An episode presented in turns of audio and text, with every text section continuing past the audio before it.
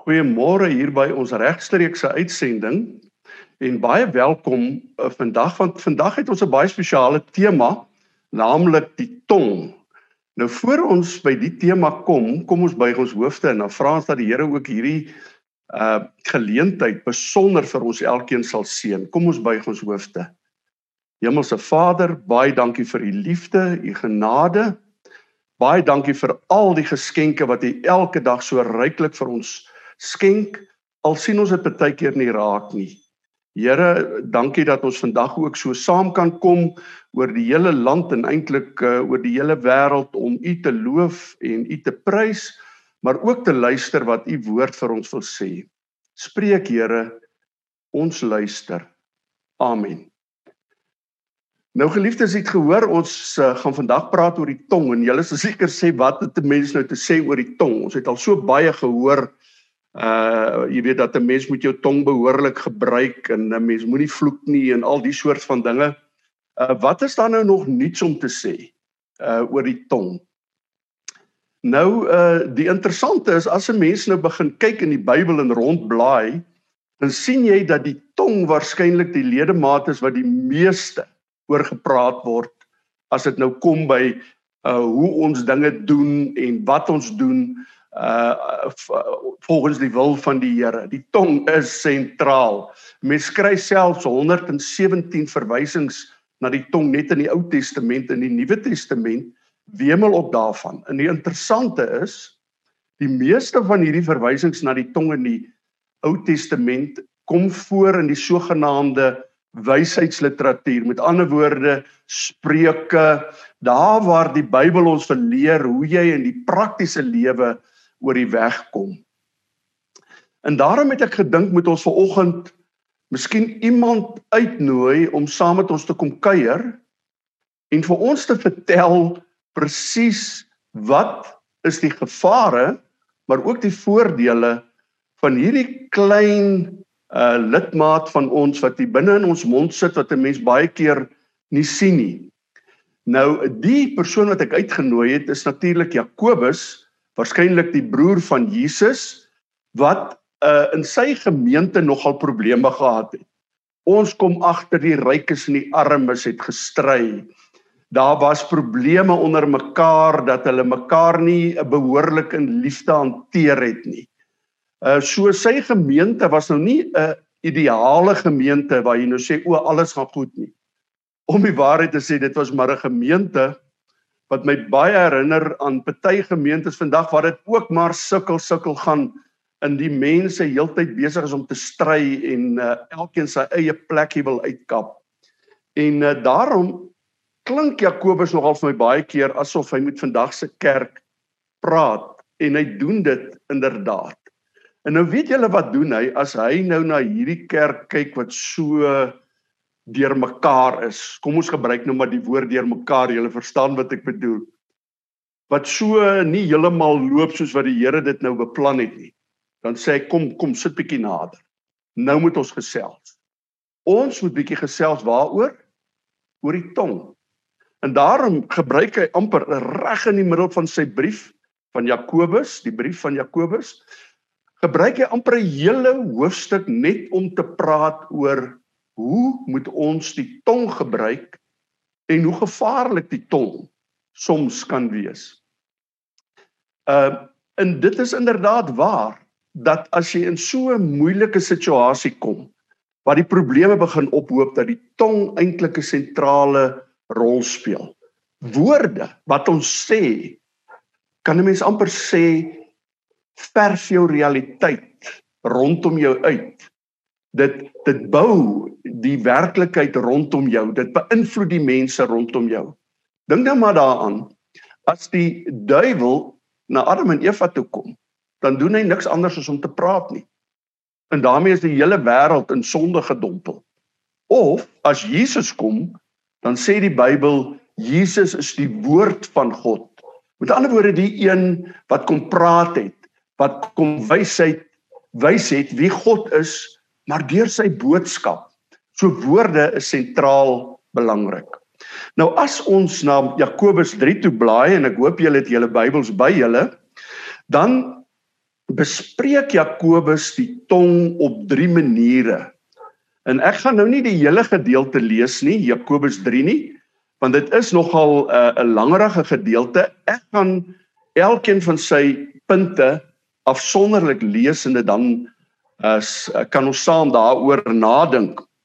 En sy eerste gedeelte begin eintlik hier by vers ehm um, uh 2 in vers 1 adresseer hy eintlik die leermeesters in die gemeente. Met ander woorde, hy sê, "Wie as jy nou wil 'n leermeester wees, dan moet jy nou 'n bietjie oppas veral hoe jy jou tong gebruik want jy beïnvloed mense." Maar dan as hy verder beweeg, dan word hierdie raad wat hy gee eintlik amper universeel. Dit dit geld vir ons almal. Nou kom ons kyk bietjie, ek gaan dit vir julle lees. Hy sê ons almal struikel in baie opsigte. As iemand nooit struikel in wat hy sê nie, is hy volmaak by magte om sy hele liggaam in toom te hou. En nou kom hy sê vir perde sit ons 'n stang in die bek en dan gehoorsaam hulle ons en het ons hulle hele liggaam onder beheer. Dink ook maar aan die skepe. Al is hulle baie groot en as al is die winde wat hulle aandryf baie sterk, word hulle tog met 'n klein roertjie gestuur net waarheen die stuurman wil. So is die tong ook maar 'n klein liggaamsdeeltjie en tog het dit groot mag.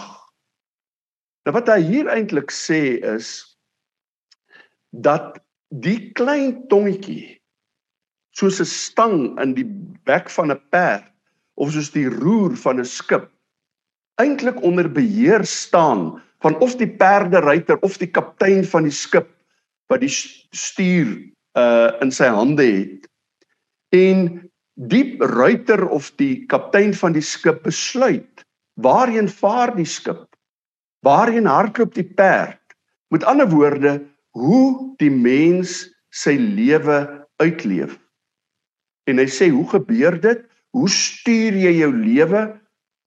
Hoe realiseer jy dit wat jy graag wil hê? Hy sê deur die tong, deur te praat en daarom sê hierdie tong het 'n geweldige groot mag want dit skep eintlik die werklikheid rondom jou. En nou sê Matteus as hy hier oorskryf. Weet julle waar kom die werklike invloed vandaan? Wat beïnvloed jou om jou tong te op 'n sekere manier te gebruik. En dan skryf Matteus wonderlik in Matteus 15 en ek lees hier vir julle uh vanaf vers 17. Hy sê begryp julle nie dat alles wat die by die mond ingaan na die maag toe gaan en dan uitgaan weer uit die liggaam uit nie. Maar wat by die mond uitkom, kom uit die hart. En dit is die dinge wat mense onrein maak. En hoor nou wat sê hy?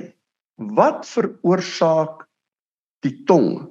Hy sê moord, oorspel, onkuisheid, diefstal, valse getuienis, kwaadpratery. En as Jakobus hieroor praat, dan sê hy soos 'n saadjie wat hier binne in jou lê, wat begin groei. En dan spoel dit uit jou liggaam uit en dit beïnvloed eintlik alles wat jy doen, jou hande, jou voete, jou die mense rondom jou. So uh uiteindelik wat hier binne in jou gebeur stuur jou lewe en beïnvloed dit wat jy sê. En dit wat jy sê het groot mag sê Jakobus. En nou kom Job met 'n baie interessante opmerking. Jy weet ons praat baie en ek het uh, ver oggend weer gelees van uh mense wat beweer dat hierdie hele COVID storie ons nogal kwai beïnvloed. Nou dit dit hulle sê veral die een siekte van COVID is dit maak mense te neergedruk.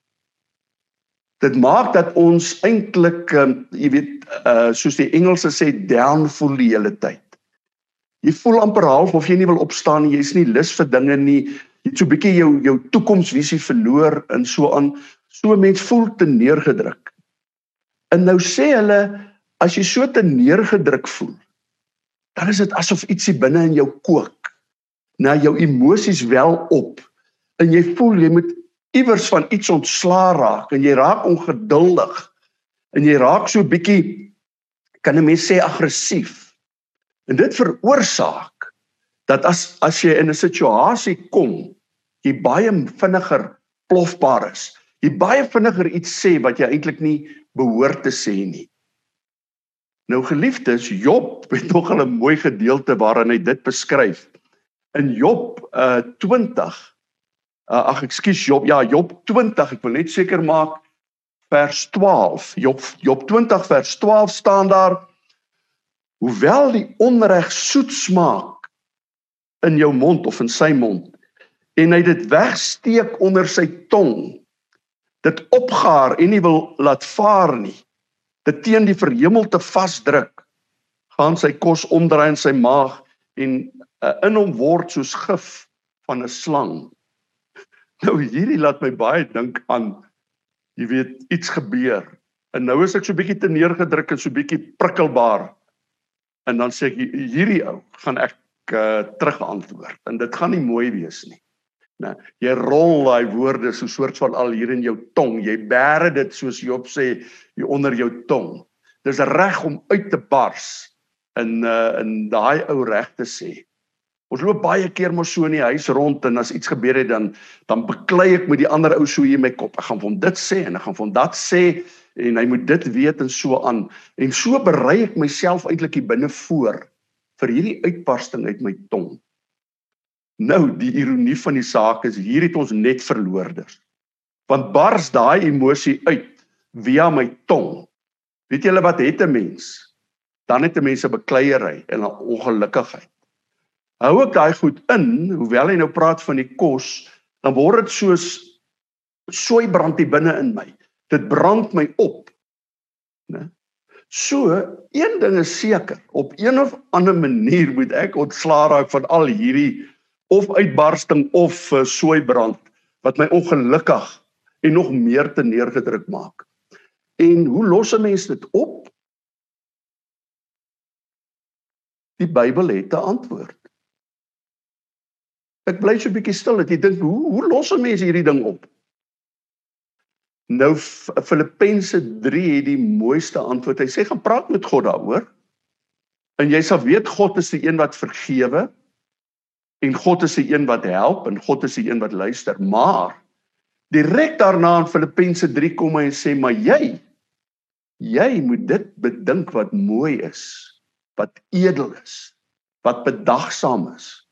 So hy sê wat gebeur is jy moet bewustelik begin werk aan dit wat hier binne in jou lê. Aan hierdie ongelukkigheid, hierdie goed wat sooi brand en uitbarstings veroorsaak, moet jy binne in jou mee werk maak. Deur dit daarvan ontslae te raak en in die plek daarvan liewer die mooi in die lewe raak te sien. Liewer die edele raak te sien. Liewer verby te kyk verby daai ou wat jou kwaad gemaak het. Liewer verby te kyk by jou man met wie wat, wat jy nou net mee 'n uh, ongelukkigheid opgetel het. Met ander woorde, daar is nie 'n kits oplossing nie. Wat daar wel is is 'n oplossing waaraan jy moet werk. Waaraan jy moet 'n uh, 'n uh, skouer aan die wiel sit om te sê ek raak daarvan ontslaa. Nou die tweede ding wat Jakobus van praat, ons het gesê hy het 'n 3-punt preek Die eerste is dat uh, die tong is gevaarlik.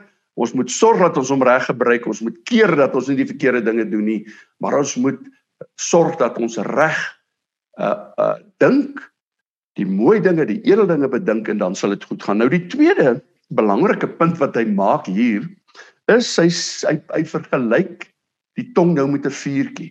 En hier kry ons 'n totale ommeswaai. Hier gaan dit nie oor die ruiter wat die tong beheer nie. Maar hier gaan dit oor die tong wat soos 'n vuur is wat brand. 'n Klein vuurtjie kan 'n groot brand veroorsaak. Een vuurhoutjie kan 'n hele veld aan die brand steek. So hier gaan dit oor iets heeltemal anders. Naamlik die tong se invloed. Dit wat jy sê, hoe dit jou wêreld rondom jou beïnvloed. En nou praat hy nie mooi van die tong nie. Julle moet 'n bietjie luister as ek dit voorlees. Hy sê dis 'n gif. Hy sê dit kom uit die hel uit. Dis vol onreg. Nou dis nie 'n mooi ding om te sê nie.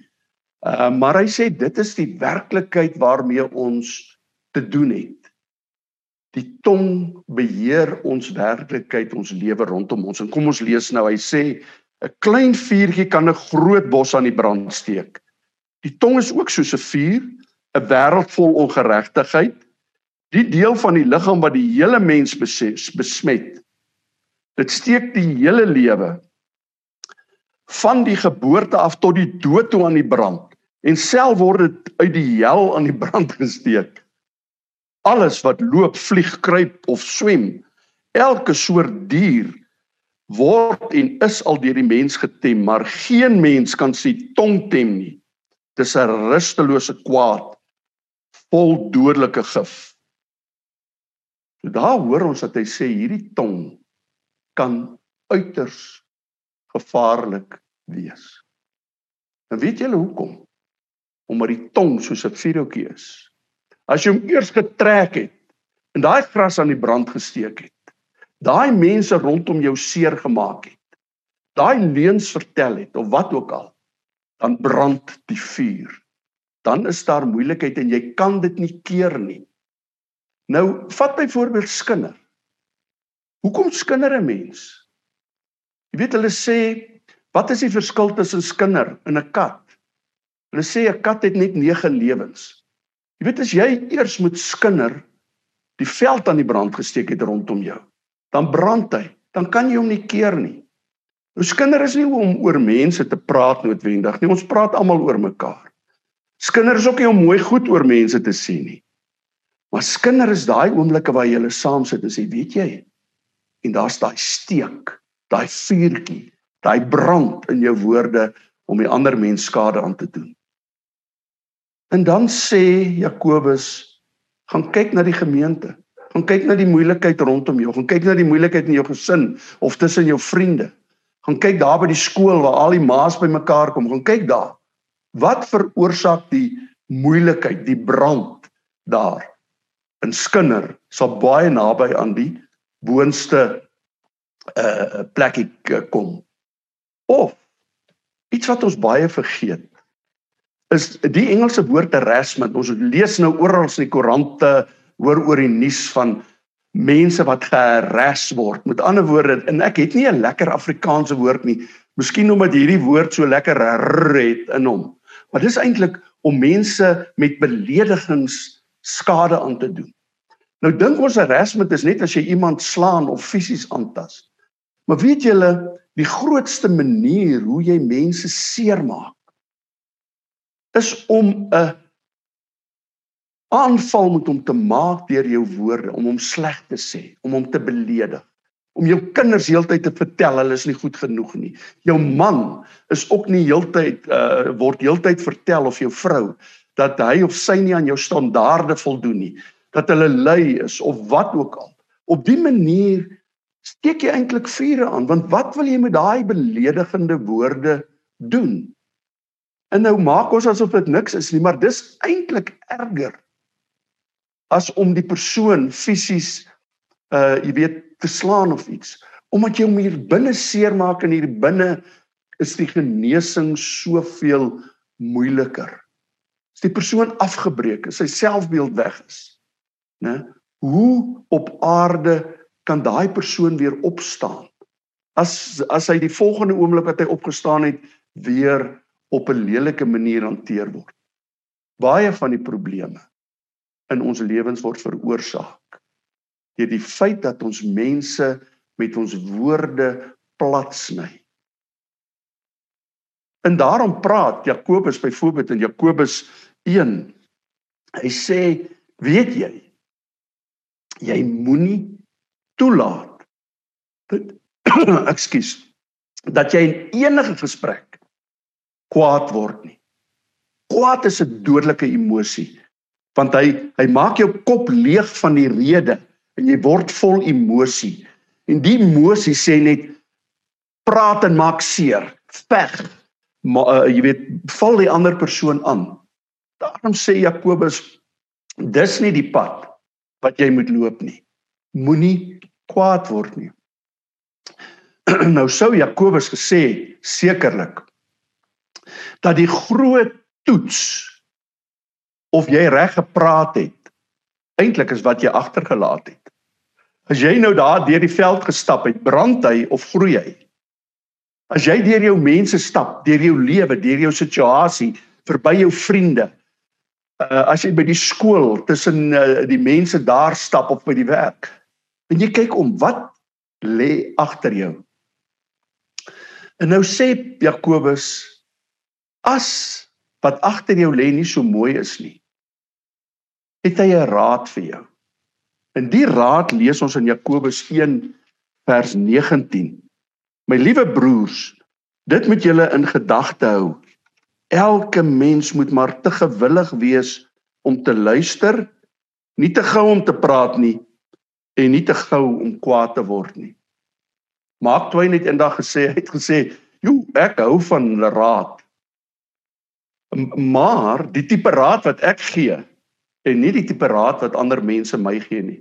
So sê vergeet luister, lui, julle moet maar net aan my luister. En en dit sê Jakobus is verkeerd. Hy sê stil bly. Stilte is die groot geheim om die probleem van 'n gevaarlike vuurtong op te los. Hy sê bly jy stil. Gee jouself 'n billike kans. Dink daaroor na wat hier besig is om te gebeur. Veral, miskien die beste manier om te praat is om te luister. Om eers die situasie te kan evalueer. Eers te kyk wat hierdie vuurhoutjie gaan brand as jy hom aansteek en of jy inderdaad 'n vuurhoutjie wil gebruik.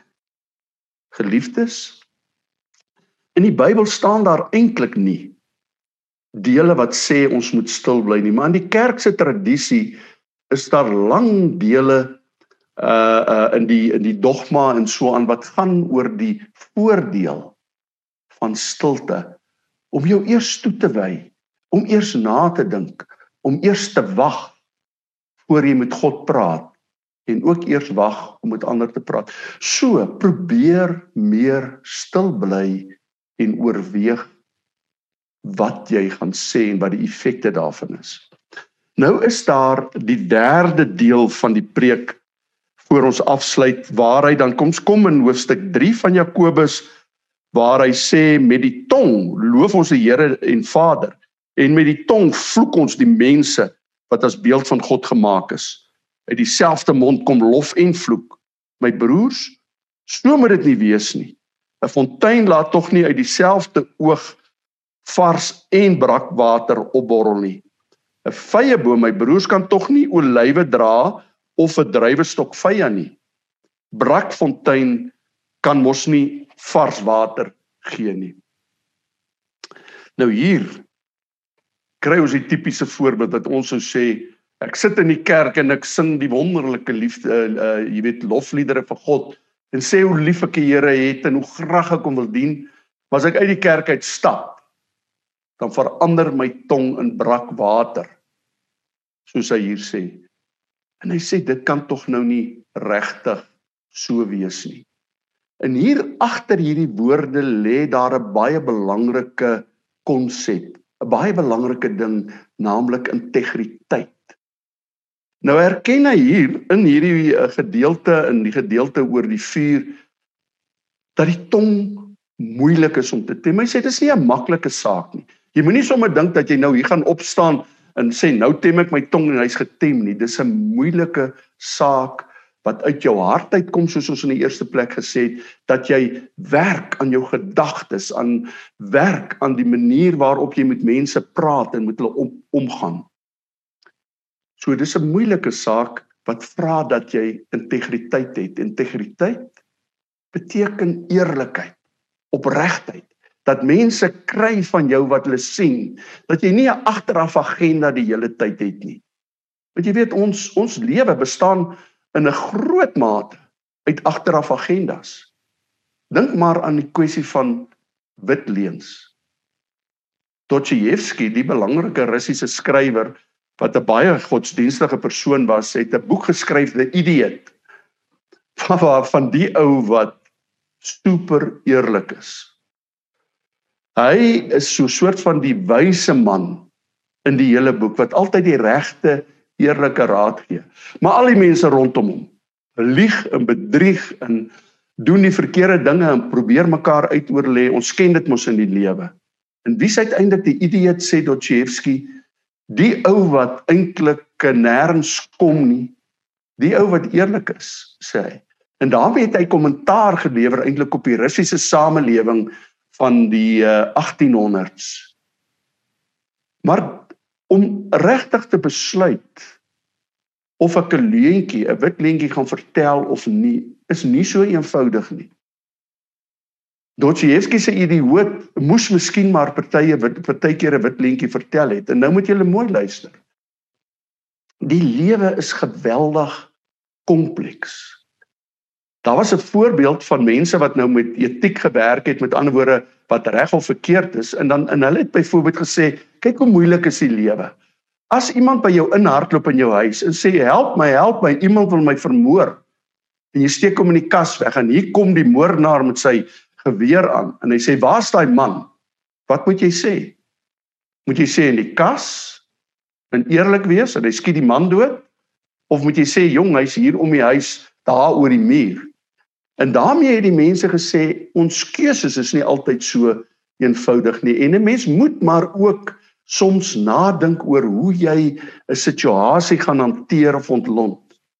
Dan word as jy sien hier's 'n verskriklike bekleierery wat julle hele familie uitmekaar uit gaan jaag. Hoe moet jy dit hanteer? So die resultaat van jou woorde. Met ander woorde, dit wat jy agterlaat as jy omkyk, is ook belangrik. Maar daarmee kan uh die Bybel en ons as gelowiges nooit blaatante leuns, misleiding goedkeur nie. Ook nie 'n integriteitslose misleiding. Ja, ek sal jou bel. Ons moet 'n bietjie saam kuier, maar in jou hart weet jy daar's niks van waar nie. Hoekom sê jy dit? Hoekom hoekom uh uh gee jy voor om iets te wees wat jy nie is nie? Geliefdes, dieselfde moet vloek. Jy weet, vloek kan mense ook seermaak. Dis 'n 'n slegte intensie of miskien my laaste voorbeeld die feit dat ek my eie beeld blaas. Ek probeer heeltyd vir ander mense vertel hoe goed ek is. Hoekom? Omdat ek wil hê hulle moet weet ek is beter as hulle en hulle moet sleg voel. Ek probeer myself op 'n troontjie plaas waar ek eintlik nie hoort nie. Hoekom doen 'n mens dit? Nou geliefdes, daarvoor het die Bybel ook 'n antwoord. Hy sê dink voor jy doen. Want jy kan nie jou woorde terugtrek nie. Daarby sluit die stilte aan. Die stilte moet jou help om te dink voor jy doen. Want 1 Petrus 3 haal verspreuke haal spreuke aan wat sê 'n goeie lewe, 'n lang lewe wat eintlik bedoel 'n lewe wat wat vol is, wat wat is soos God dit wil hê, sê hy daardie lewe is 'n lewe waar jy nie leuns vertel nie. Waar jy nie jou integriteit verloor nie. Maar waar jy doen en praat, praat soos God dit wil. Daarom geliefdes, sit nou oor die tong gesels.